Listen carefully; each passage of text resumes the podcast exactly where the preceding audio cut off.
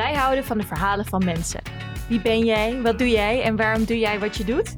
In Bedrock Meets ontmoeten we mensen met een bijzonder verhaal. Er zijn namelijk zoveel mensen die op hun eigen manier de wereld een mooiere plek maken. Daar willen we graag alles over horen. Misschien kunnen we er nog wel iets van leren. Ik ben Lisanne, naast mij zit Rosa en je luistert naar Bedrock Meets. Yes, en vandaag zit bij ons aan tafel een hele bijzondere gast. Dat is namelijk Lisa Jansen. En die ken je misschien wel van haar Instagram-kanaal, podcast of haar eigen blog, The Big Vegan Sister. Ze schreef haar eigen boek, ze is spreker en activist.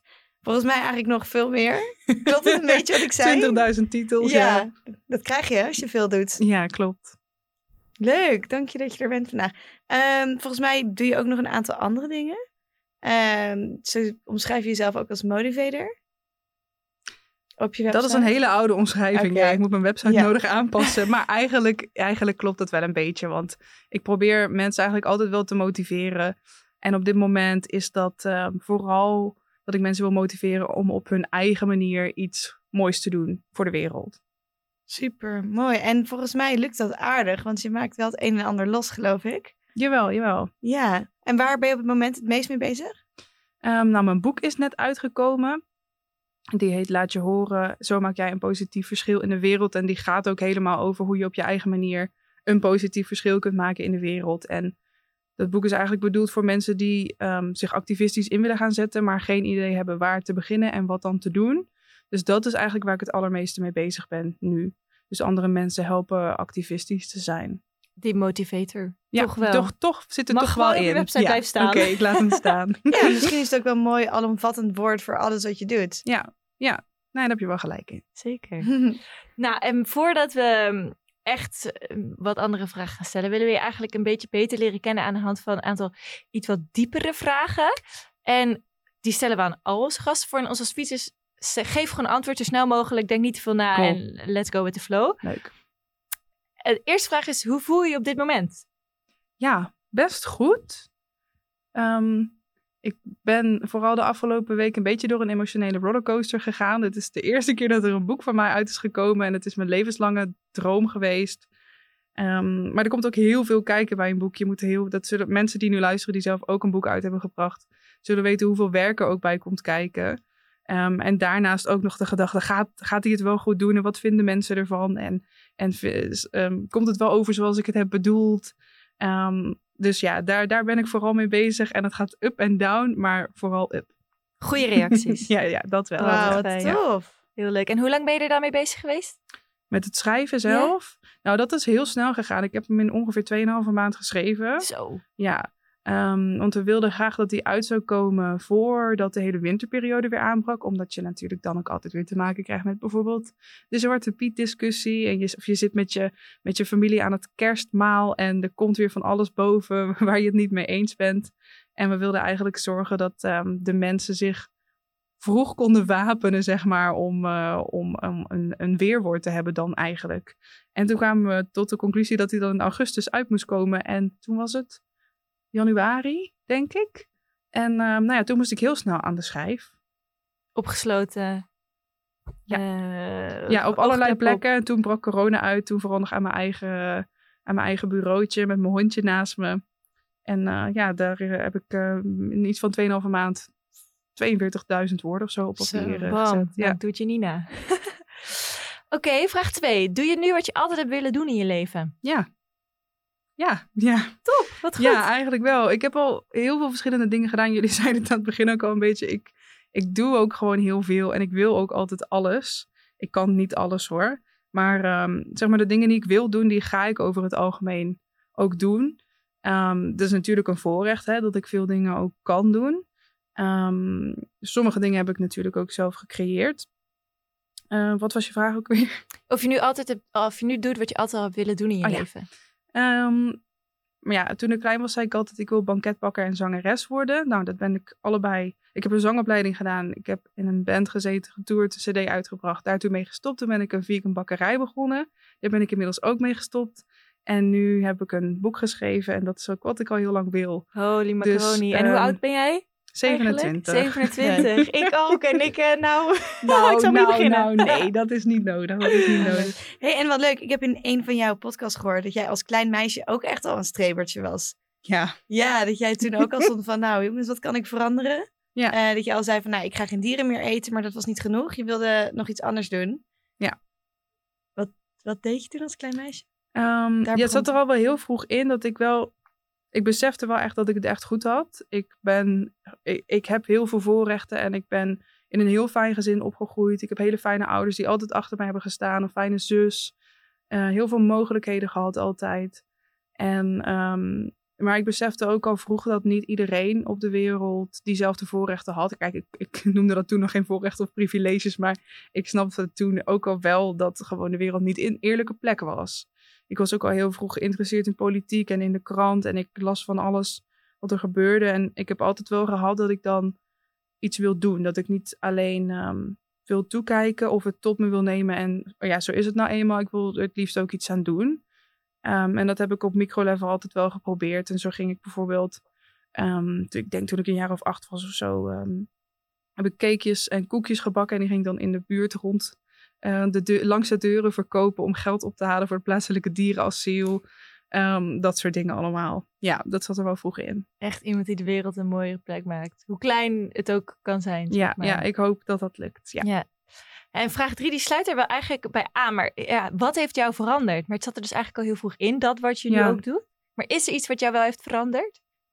Ehm, ja, tuurlijk wel.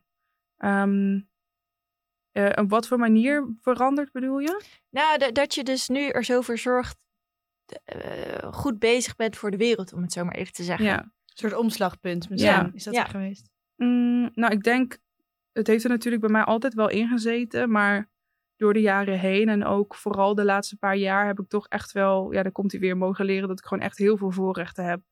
En met terugwerkende kracht besef ik ook gewoon dat bepaalde dingen ook gewoon mogelijk zijn geweest vanwege de voorrechten die ik heb. Ik heb een super Hollandse naam, ik heb een witte huid.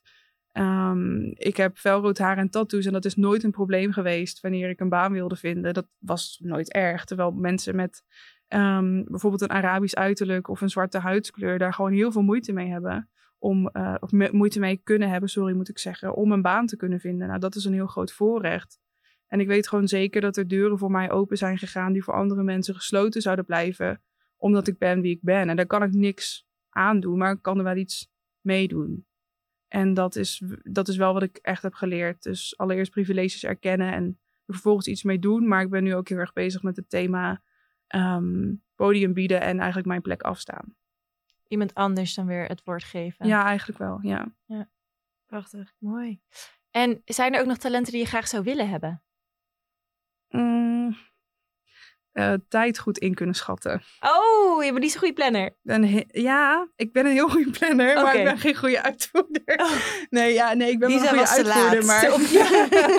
Vijf minuten, het viel mee. het lag niet aan mij. Het lag aan dat... De brug stond open? ik- nee, Oh. de, ehm, de, de, de toegangsdeur wou niet gaan draaien voor mij. Dus ik heb daar Oh, vijf minuten vertwijfeld no. gestaan. Bekend dacht ik probleem. nee. En toen was er nog iemand voor, die voor mij, die had een probleem met een laptop. En toen pas kon ik me aanmelden. Dus ik was wel degelijk op tijd. Oké. Oké, nou, dat de terug. Nee, maar goed, het talentje op, laat, eh, op tijd komen, die, eh, die zou je nog wel willen hebben. Ja, ja, maar gewoon dat ik tijd beter in kan schatten. Ik heb ADD en in mijn hoofd zijn, ehm, eh, kan ik taken niet goed inschatten hoe lang die in werkelijkheid duren. En dingen die ik heel leuk vind, dan denk ik, dan, oh, dat heb ik zo gedaan. En dan zit ik gewoon drie uur dat te doen, omdat ik het zo leuk vind. En dingen die ik niet leuk vind, die schat ik altijd heel lang in. En dan stel ik ze heel lang uit, omdat ik het niet wil doen. En ja, ik ben, daar, ik ben niet zo goed in tijd inschatten. Iets te optimistisch. Ja, ja. En heb jij een levensmotto? Ik een levensmotto. Ehm, rust nemen mag niet, het moet. Oh, vind ik mooi. Vind ik heel mooi. Heb ik Zouden moeten leren hoor. eh, Ja, heb ik echt moeten leren. Ik Helemaal vond- als je ja. ADD hebt en Ja. altijd aanzet en dingen wil doen, lijkt me Mhm. best lastig. Ja, Hoe heb je dat gedaan? Ehm, nou ja, ik moest eigenlijk wel. Ik, ehm, ik heb last van echt superhevige vermoeidheidsklachten. Nu zo'n vijf, zes jaar. Ehm, en als ik geen rust neem, dan bepaalt mijn lichaam dat wel voor mij. En dan kan het zomaar zijn dat ik gewoon een hele week uitval. En dat wil ik niet. Dus ik heb met schade en schande eigenlijk geleerd dat ik eh, niet pas rust moet nemen als het echt nodig is, maar daarvoor al. En hoe, hoe plan jij dat dan nu voor jezelf in? Is dan dit dagelijk iets wat je doet? Of?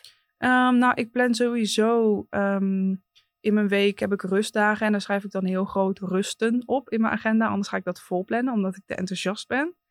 Ehm, en verder ja, probeer ik in mijn dag heel veel ruimte te houden, omdat ik nooit weet hoe ik 's ochtends opsta.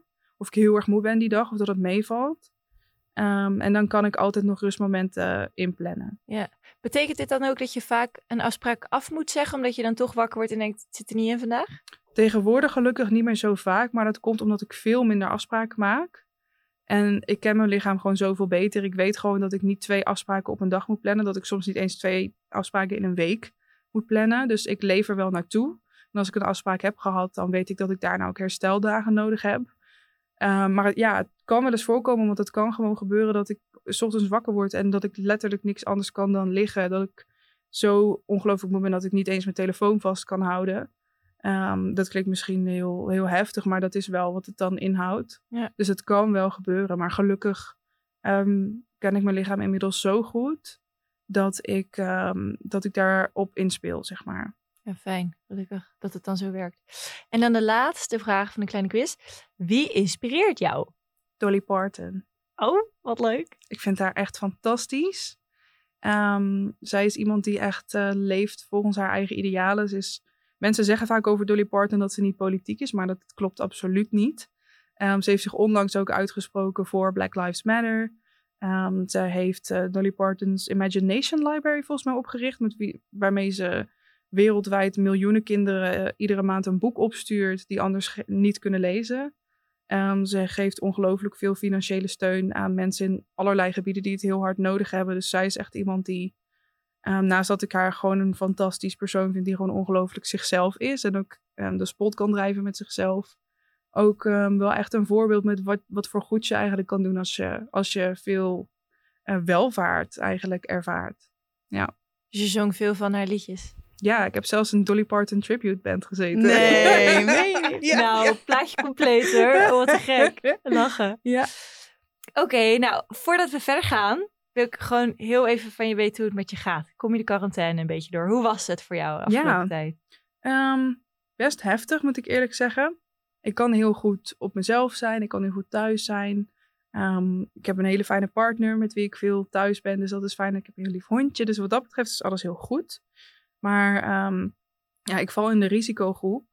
En het is eh, voor mij best een angstige tijd. Omdat ik heel erg bang ben om besmet te raken met het coronavirus. En het is niet zo per se dat ik heel veel meer kans loop om het op te lopen. Maar als ik het krijg, dan eh, kan het verloop veel heftiger zijn. En je merkt ook dat veel mensen die ehm, corona hebben gehad, die zitten nu met dezelfde klachten als ik. Dus stel dat ik dat er nog bovenop zou krijgen, dan weet ik gewoon niet meer wat mijn kwaliteit van leven zou zijn. Ehm, Dat komt door de chronische vermoeidheidsziekte precies. waar je net Ja, over vertelde. Precies, dat Hm. komt daardoor. En ehm, ja, om te merken hoe sommige mensen de regels aan hun laars lappen. ehm, ook mensen die ik tot vrienden reken.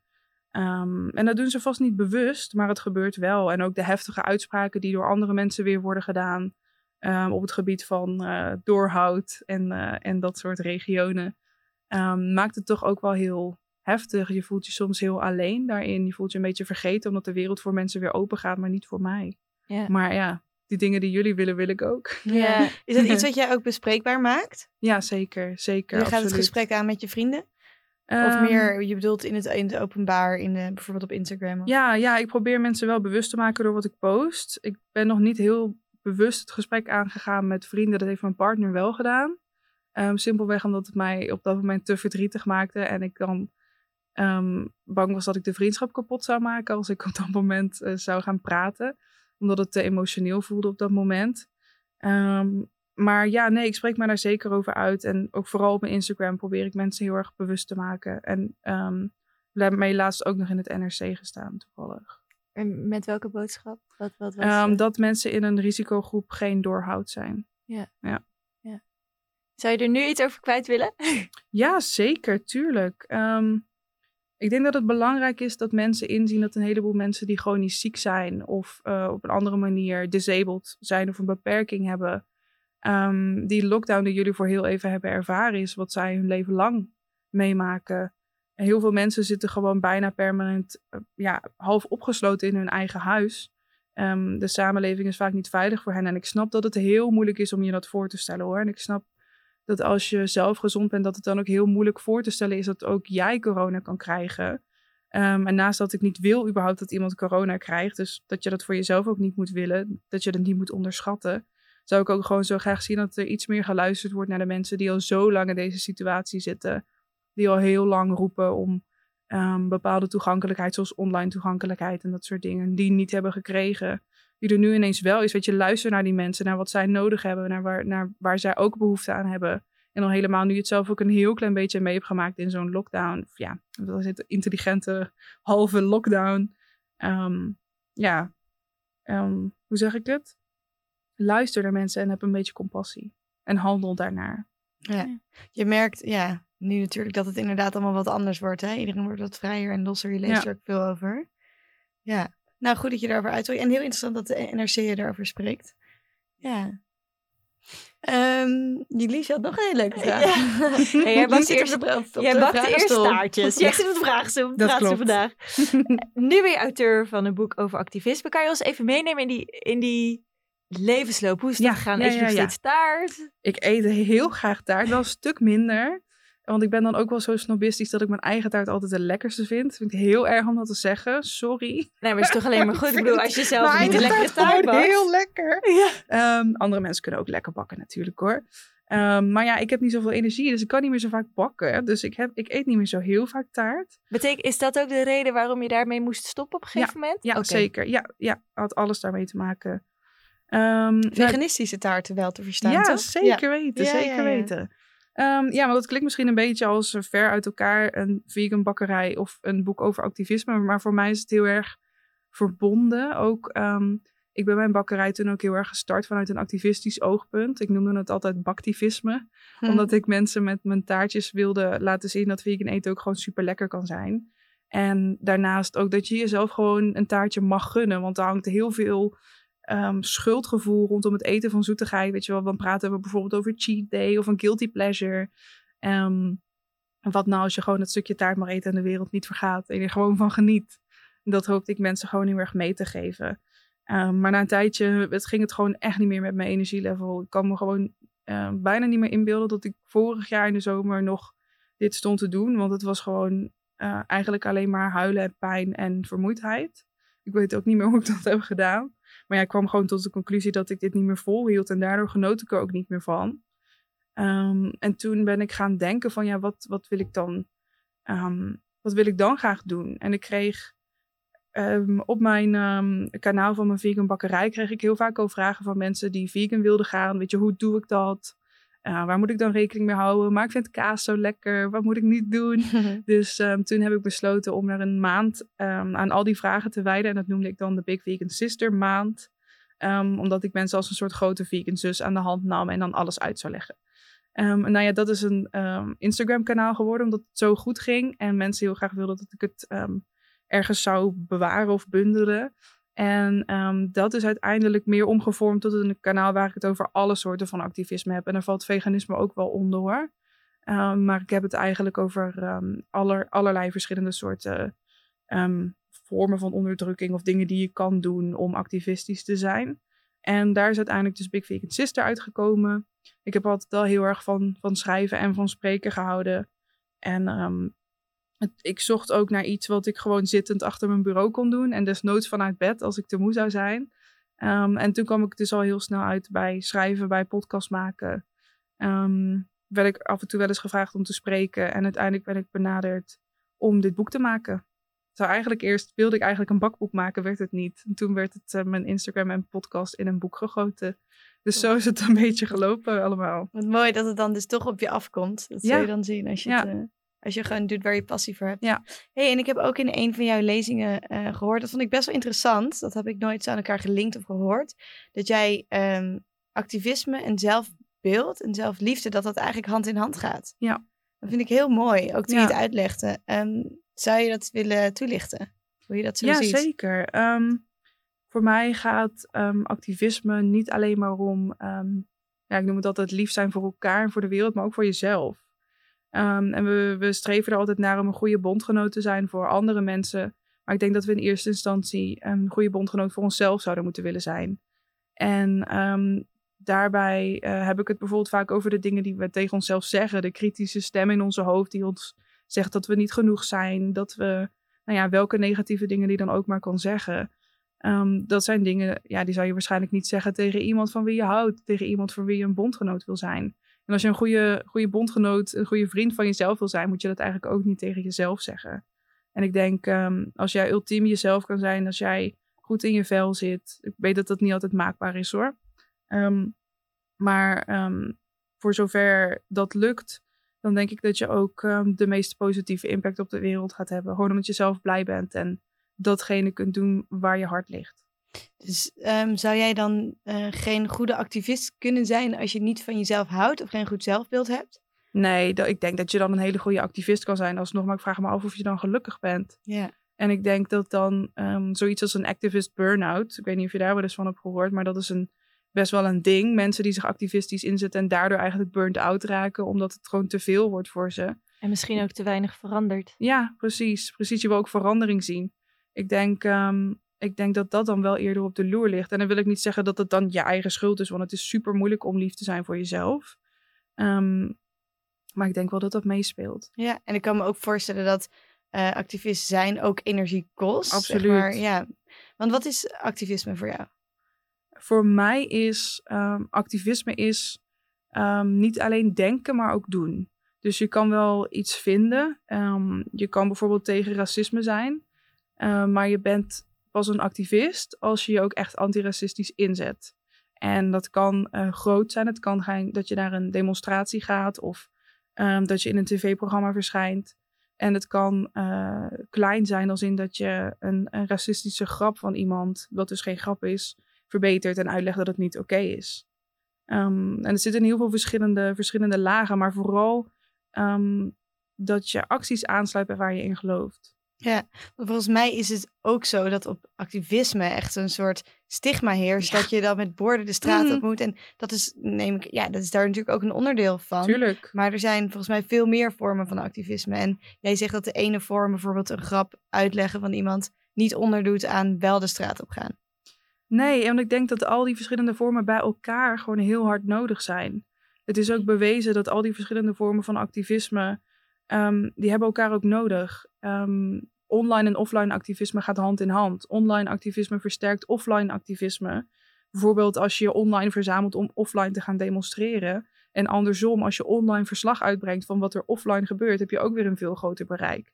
En zo geldt het eigenlijk voor alles. En we moeten ook onthouden dat niet alle vormen van activisme voor iedereen bereikbaar zijn. Ik kan bijvoorbeeld eigenlijk nooit gaan demonstreren, omdat het voor mij fysiek niet haalbaar is. Of ik zou misschien dan in een rolstoel moeten gaan, alleen heel vaak is het in een rolstoel niet toegankelijk. Uh, is het niet rolstoel toegankelijk. Dus ik kan niet gaan demonstreren en dat maakt mij niet minder activist. Um, daar, daar, heb ik zelf ook wel even, het is ook een besefmoment voor mij geweest door een paar jaar geleden. Maar eigenlijk is het, um, is het heel, het is heel naar om te zeggen dat bepaalde vormen van activisme dan onder zouden doen voor anderen, omdat sommige vormen niet eens haalbaar zijn voor mensen. En niet iedereen is overal ook even goed in of vindt alles even leuk. En um, tuurlijk, als het nodig is en we moeten met z'n allen de barricade op, dan hoop ik dat iedereen dat ook doet.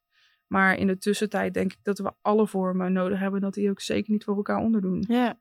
En wat zijn bijvoorbeeld vormen die, uh, die je aanmoedigt voor mensen die zeggen van nou misschien is protesteren niks voor mij of wel, maar uh, die wel graag de wereld ook beter willen mm -hmm. maken en wel ergens verstaan. Wat ja. zijn dan um, ja, manieren om uh, je activistisch in te zetten? Ja, ja, begin gewoon super dicht bij jezelf. Bijvoorbeeld in je vriendengroep. Stel, iemand maakt een opmerking die echt niet kan. Um, spreek diegene daarop aan. En leg uit waarom het niet oké is. En doe dat ofwel terwijl de hele groep erbij is, of achteraf. Gewoon één op één als je dat misschien moeilijk vindt. Maar zeg er wel iets van. Um, want het is zo ongelooflijk vermoeiend dat iedereen die nu luistert, zal ook dingen hebben waarop diegene bijvoorbeeld gediscrimineerd wordt. Of waarop diegene dan heel zwaar gezegd onderdrukking ervaart. Het is gewoon heel uh, zwaar om constant voor jezelf op te moeten komen. En als iemand anders dat stokje heel even overneemt, is dat gewoon super fijn. En dat kan zijn dat iemand dus een racistische opmerking maakt. Of misschien maakt iemand een vetshamende opmerking. Of misschien um, maakt iemand een, uh, een sambal bij grapje of wat dan ook. Weet je, zeg dat dat niet oké is. En leg uit waarom. En dat hoef je echt niet aan het publiek te doen. Dat hoef je niet op je Instagram kanaal te doen. Dat hoef je, je hoeft niet naar een grote demonstratie te gaan. Maar als jij gewoon de mensen in jouw omgeving daarop aanspreekt, ehm, dan helpt dat wel enorm. En er zit ook in um, tussen aanhalingstekens lichtere dingen. Bijvoorbeeld um, heb jij een collega van kleur en wordt diens naam verkeerd uitgesproken. zeg daar iets van. Diegene heeft net zoveel recht als alle andere mensen op een goed uitgesproken naam. Lisa is dan misschien makkelijk, maar stel iemand heet uh, Munganyende, ik zeg maar wat. Even shout-out naar Munganyende. Dat is een van de hosts van uh, Fufu en Dadels. Diegene heeft net zoveel recht op um, dat haar naam goed uit wordt gesproken. En dat zijn vaak kleine nuances, kleine microagressies waar we on, waar, die we vaak laten gaan. Maar laat dat dan eens niet gaan. Ja, mooi. Het, is inderdaad, het, doet, het doet mijn oog wel even open dat ik denk, ja, eigenlijk is zoiets benoemen en gewoon met iemand het gesprek aangaan, dat is eigenlijk al je in kleine zin activistisch Dat is activisme, absoluut. Ja, en het hele idee dat dat agressief moet of super, ja, zeg maar, one-sided. Dat is natuurlijk totaal niet En dat is denk ik ook wel wat we nu zien hè, in deze tijd. Er gebeurt gewoon zoveel. Ja. En offline, online, overal gesprek wordt aangegaan. ja, en het is belangrijk dat we ruimte overlaten voor de woede van mensen die de onderdrukking rechtstreeks ervaren. Um, vooral bijvoorbeeld in deze tijd van Black Lives Matter is het ongelooflijk belangrijk dat uh, mensen van kleur en zwarte mensen niet getoonpoliced worden. Wat, wat inhoudt, ik zie heel vaak gebeuren dat um, zwarte mensen bijvoorbeeld, die zijn boos, terecht. Um, en die, die uiten dat op een manier die andere mensen niet aanstaat. De boodschap vinden ze oké, maar ze zeggen, misschien kan je het iets liever verpakken, want dan, dan is het wat makkelijker verteerbaar voor ons. Ik denk dat we wel op moeten passen dat um, er gewoon ruimte blijft voor die woede. En als het over een onderwerp als validisme gaat, dus bijvoorbeeld dat is de discriminatie van mensen met een beperking, dat die woede van die mensen er gewoon mag zijn. Maar dat als jij de bondgenoot bent in het verhaal, dat jij dan um, de tijd en de rust neemt om op een um, ja, hopelijk liefdevolle manier iemand um, te educaten eigenlijk. En dat hoeft inderdaad niet met brandende toortsen. Altijd, nee. nee, precies. Soms wel, maar meestal niet. Gewoon verbaal. en ik ben ook nog wel benieuwd van... Um, nou, het is voor iedereen nu natuurlijk een ontzettend bewegelijke tijd. En er gebeurt ontzettend veel. Er is, wordt heel veel in gang gezet. Mensen laten zich horen. Er veranderen er ook al dingen. Gesprekken worden gestart. Hoe kijk jij tegen dit tijdperk misschien wel aan. Ja, ja heel wisselend eigenlijk. Um, ik krijg van heel veel mensen de opmerking: ja, dit is wel een heel goede tijd voor je boek, hè? En dat is ook wel zo, maar ik zou eigenlijk willen dat mijn boek niet eens geschreven hoefde te worden, zeg maar. Dus het, het is gewoon heel ironisch dat de timing van mijn boek nu eigenlijk heel goed is.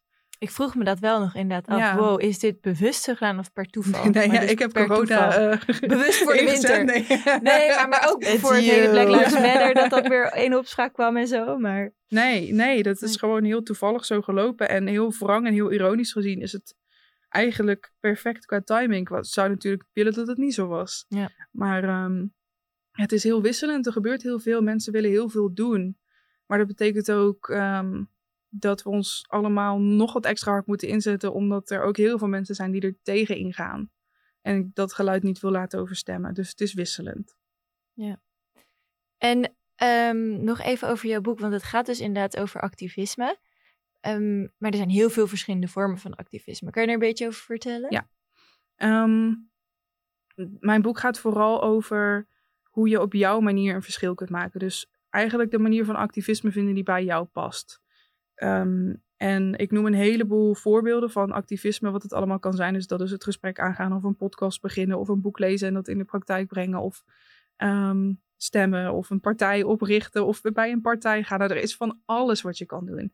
Um, ik hoop gewoon dat mensen zichzelf de toestemming geven om te doen wat goed bij hun past. En niet wat zou moeten, omdat je dan een goede activist zou zijn. Want ik benoem bijvoorbeeld demonstreren wel in het boek. Maar um, daar heb ik het maar heel kort over, omdat ik juist wil laten zien dat er zo heel veel verschillende manieren zijn waarop je iets kan doen. Ja, precies. Een mooie eye-opener, denk ik, voor heel veel mensen, juist in deze tijd. Ja, ja ik hoop het. Ik hoop het. Ja. En nog even een klein zijweggetje, want we hebben nu heel veel over activisme, maar en we hadden het net voordat de podcast startte ook al even over, want jij kwam hier binnen en jij bent natuurlijk zelf podcastmaker. dat klopt. dus wij worden hier echt... Uh, ik Beetje me... zenuwachtig van. nee, dat is helemaal niet nodig. Inderdaad. hoe, hoe is dat zo gekomen dat jij ook... Mhm. Je hebt een podcastschool. Jij leidt mensen op om een eigen podcast te maken. Hoe is dat allemaal zo gekomen? En hoe gaat dat? Ehm, nou, dat is eigenlijk heel veel dingen die ik doe, komen eigenlijk een beetje voort uit frustratie. Want ik ging dus mijn eigen podcast beginnen. En ik kon dan wel informatie vinden, maar dat was allemaal heel versprokkeld.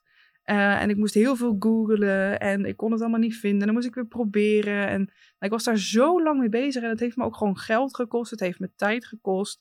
Toen dacht ik, dat kan makkelijker. Dus dan ga ik het andere mensen gewoon leren dat alles bij elkaar is. Ik kreeg van veel mensen de vraag van hoe doe je dat dan? En een podcast host, wat is dat? En waar vind ik die? Wat is een goede? En moet ik dan een betaalde hebben? Is dat dan beter? En hoe bewerk ik geluid? En welke microfoon? Nou ja, jullie kennen het waarschijnlijk wel. Alle vragen die dan bij je opkomen, wat ik snap, want die had ik ook. Dus toen dacht ik, nou, dan ga ik die bundelen en dan ga ik mensen ook leren om podcast te maken. Want ja, ik verslind podcasts. Ik hou van podcasts. Dus ook een beetje... heb je podcasts podcast tips? Ja, zeker weten. Ik noemde straks al even iemand van Fufu en Dadels. Nou, ik vind Fufu en Dadels echt een fantastische podcast. Is uh, een uh, podcast, ze noemen het zelf, waarin uh, millennial vrouwen van kleur het honderd houden met elkaar. Um, en twee van de vier meiden, ja, volgens mij twee van de vier. De, de, bezetting is een beetje veranderd. Die komen uit Eindhoven. Een van de meiden woont ook bij mij in de straat. Kwamen we ook achter. Dat is heel leuk. Wat toevallig. ja, buurvrouw tegen elkaar. Maar ik ben een grote fan van die podcast. En um, ik vind um, The Bearded Vegans, dat is een Amerikaanse podcast van twee, uh, twee mannen. En die praten over alles wat ook maar enigszins met veganisme te maken heeft, maar door een super intersectionele lens. Dus die, uh, dat vind ik ook zeker een tip. Leuk, grappig. Um, en nog even een hele andere vraag. Welke droom heb jij nog voor ogen? Ja, dat vind ik best wel lastig. Want uh, mijn droom is nu uitgekomen, een boek. Um, dit, dit was zoiets waar je als kind echt. Mm -hmm. yeah. Ja, ja. En het, het, een beetje alles wat ik dan um, als kind al zei dat ik wilde doen, dat heb ik nu gedaan allemaal. Um, mijn droom. Het is wel mooi. Als je dat, je bent 27, als je dat ja, nu wel, ja. kunnen doen. Het is ook wel goed om misschien af en toe eens bij stil te staan. Ja, ja, dat doe ik denk ik nog wel te weinig. Ja, nou. Um, maar wat ik, dan, wat ik dan hoop is dat dit boek um, mensen mag helpen om echt verandering teweeg te brengen. Omdat ik gewoon, ik zie te veel onrecht om me heen. En ik wil nou niet zeggen hoor, ik ben ook niet zo uh, pretentieus dat mijn boek nou alle, mijn boek wereldvreugde, of uh, sorry, wereldvrede gaat uh, bewerkstelligen. Ja, maar als het maar al één mens kan helpen. Daarom, als het al één iemand helpt, daar hoop ik gewoon heel erg op. Ja. Dat mijn boek op die manier positieve impact mag maken. Ja, precies. En in die zin is dit onderwerp natuurlijk blijvend interessant. Het is een blijvend onderwerp wat ja. waarschijnlijk gewoon nog altijd ja. zo lang gaat blijven. Dus we kunnen je stem nog heel lang uh, goed gebruiken, denk ik, op deze aarde. I hope so. En hoe zou jouw ideale wereld eruit zien? Um, een wereld waarin um, iedereen eigenlijk gelijkheid ervaart. En daarmee bedoel ik dat iedereen dezelfde kansen krijgt, maar die ook op dezelfde manier kan benutten. En dat iedereen als, um, als evenwaardig aan wordt gezien en alle verschillen juist worden omarmd. Um, erkend en omarmd, omdat die er gewoon mogen zijn en die ons juist mooi maken. Klinkt als een utopie. Nou, let's go. Dat is, dat is, dat is wel de ideale wereld. wereld. Ja. Precies. En dan mm, weg van het kapitalistische systeem. Dat ook. Oké, okay, nou, laatste vraag. Roos, jij mag hem stellen. Oké, okay, dat is voor jou. Ja, dus um, ja, dat doen we eigenlijk wel als een gasten stellen deze vraag als laatste. En dat is, um, ja, wat is de meest bijzondere les die jij hebt geleerd en die je aan iedereen zou willen meegeven? Mm, ja, die heb ik eigenlijk al gezegd. Moet ik nou een nieuwe bedenken? Nee, uh, ja, herhaal maar. Ja, misschien nog één keer een mooie, mooie afsluitende. Ja, gewoon echt dat rust nemen mag niet, het moet. Je moet op tijd rust nemen. Neem niet pas rust als je moe bent, van dan ben je te laat. Jouw eigen lichaam, jouw eigen welzijn is jouw meest kostbare bezit. En um, zet jezelf alsjeblieft op de eerste plaats. Dat is niet egoïstisch. Dat is alleen maar heel goed. Want des te meer jij aan jezelf geeft, des te meer je daarna ook weer aan anderen te geven hebt. Maar jezelf komt altijd op één. Ja. Heel cliché, maar zo waar. Ja, ik ja. hoop gewoon echt dat mensen zichzelf daar de toestemming voor geven. Het is moeilijk, want we leven in een wereld die ons constant zeggen dat we egoïstisch zijn als we aan onszelf denken. Dat we, um, dat we het niet waard zijn. Nou, weten veel wat we allemaal tegen ons zeggen, welke dingen we te horen krijgen. Maar je bent dingen het wel moet veranderen, je moet ja, meer dat. doen, je moet minder ja, doen. dat precies. Ja. Het is nooit goed. Dus ik hoop gewoon dat mensen oké okay kunnen zijn met wie ze zijn en zichzelf gewoon um, kunnen gunnen dat ze rust mogen nemen en zonder schuldgevoel. Ja. En hoe gaat, het, hoe gaat dat jou af? Wel nog Eh, heb je ook nog dagen dat dat moeilijk is voor jezelf? Ja. Iedere dag. Ja. Iedere dag. Weet je, ik ben met dezelfde ehm, messages opgegroeid uit alle magazines en alle media als iedereen. Dus ook ik heb nog steeds in mijn hoofd. Weet je, als ik op de bank ga liggen omdat ik moet rusten. Oh, je bent lui. Oh ja, je wilt gewoon niet genoeg. Andere mensen kunnen dit ook. Oh, je bent zo'n aansteller. Dat heet overigens geïnternaliseerd validisme voor de mensen die dat interessant vinden om op te zoeken. Dat zijn de dingen die je jezelf eigen hebt gemaakt ehm, over luiheid en dat soort eh, zaken. Lui vind ik ook een heel vervelend woord. Ehm daar kunnen we een hele andere podcast aan besteden. Gaan we nu even niet verder op in. Ehm, maar ja, nee zeker. Ik heb daar iedere dag moeite mee. Ja, precies. Ja. Nou, ik vind het een hele mooie afsluiting. Ik denk dat heel veel mensen, inclusief ikzelf, inderdaad er gewoon echt nog wel eh, moeite mee hebben. En heel veel van kunnen, van kunnen leren, ook van wat je allemaal hebt gezegd. En dat dat dus mag. Dus iedereen die nu deze podcast luistert, pak even lekker een half uurtje voor jezelf hierna, Ja, zou ik zeggen. Alsjeblieft zeg. Ja. Nou, wij willen je heel erg bedanken voordat je helemaal vanuit Eindhoven anderhalf uur in de harde wind hierheen hebt Ik gereden. heb het overleefd. Dankjewel. Als mensen jou willen volgen online of iets van jou willen zien, waar kunnen ze dat vinden? Ehm, nou, ik heet overal Big Vegan Sister. Dus dat is gewoon at Big Vegan Sister op Instagram en Facebook. Alhoewel ik moet zeggen dat ik op Facebook niet zo heel veel doe. Dat is vooral voor, eh, mag ik het zeggen, moeders en zo. Ja, mag je Ehm, zeggen. Maar hè, lieve Facebook mensen, jullie mogen er ook zijn. Ehm, en verder Big Vegan Sister, de podcast. En als je dus ook een podcast zelf wil maken, dan depodcastschool.nl. Cool. En jouw boek? Nog even Ja, de die heet Laat je horen. Top. Prachtig. Lisa, dankjewel voor Jullie een super mooi gesprek. Echt ontzettend inspirerend en mooi. En ik hoop dat ze een beetje de, het taboe van eh nou, het rondom activisme en dat, het, nou, dat ze dat eraf hebben kunnen halen en dat iedereen je boek gaat lezen. Ik hoop het. Wij hebben hem al eh, door mogen kijken, dus dat is ontzettend tof. Ehm, zijn er nog dingen die we de komende tijd verder van jou kunnen verwachten? Nou, ik ga nu dus eerst even mijn eigen advies opvolgen en rust Rusten, nemen. kijk. Maar even er komt, genieten. Ja, er, komt wel iets, er komen twee hele leuke dingen aan. Ehm, er komt een online podcastcursus aan, zodat ja, je helemaal corona-proof mijn eh, workshop kan volgen, maar dan online. En hij wordt heel gaaf. En ehm, ik ben bezig met een eh, community voor ehm, mensen die om welke reden dan ook een wat lagere energetische batterij hebben, zeg maar. Ehm, en er komen workshops en masterclasses en zo bij. Jullie hebben de scoop nu. Wauw. Dus eh, er zijn twee hele toffe dingen waar ik mee bezig Wat ben. leuk. Gek. Nou, keep us posted. Ja, I will. toch? Ja, nice. Oké, lieve luisteraar, wij zijn heel erg benieuwd wie jullie graag zouden willen ontmoeten via deze podcast. Laat het ons weten in een review of je kan ons altijd zelf even een berichtje sturen. Instagram via Bedrock Magazine of een mailtje naar info@bedrock. Bedankt voor het luisteren en we spreken elkaar. Ja, wij wel. Doei.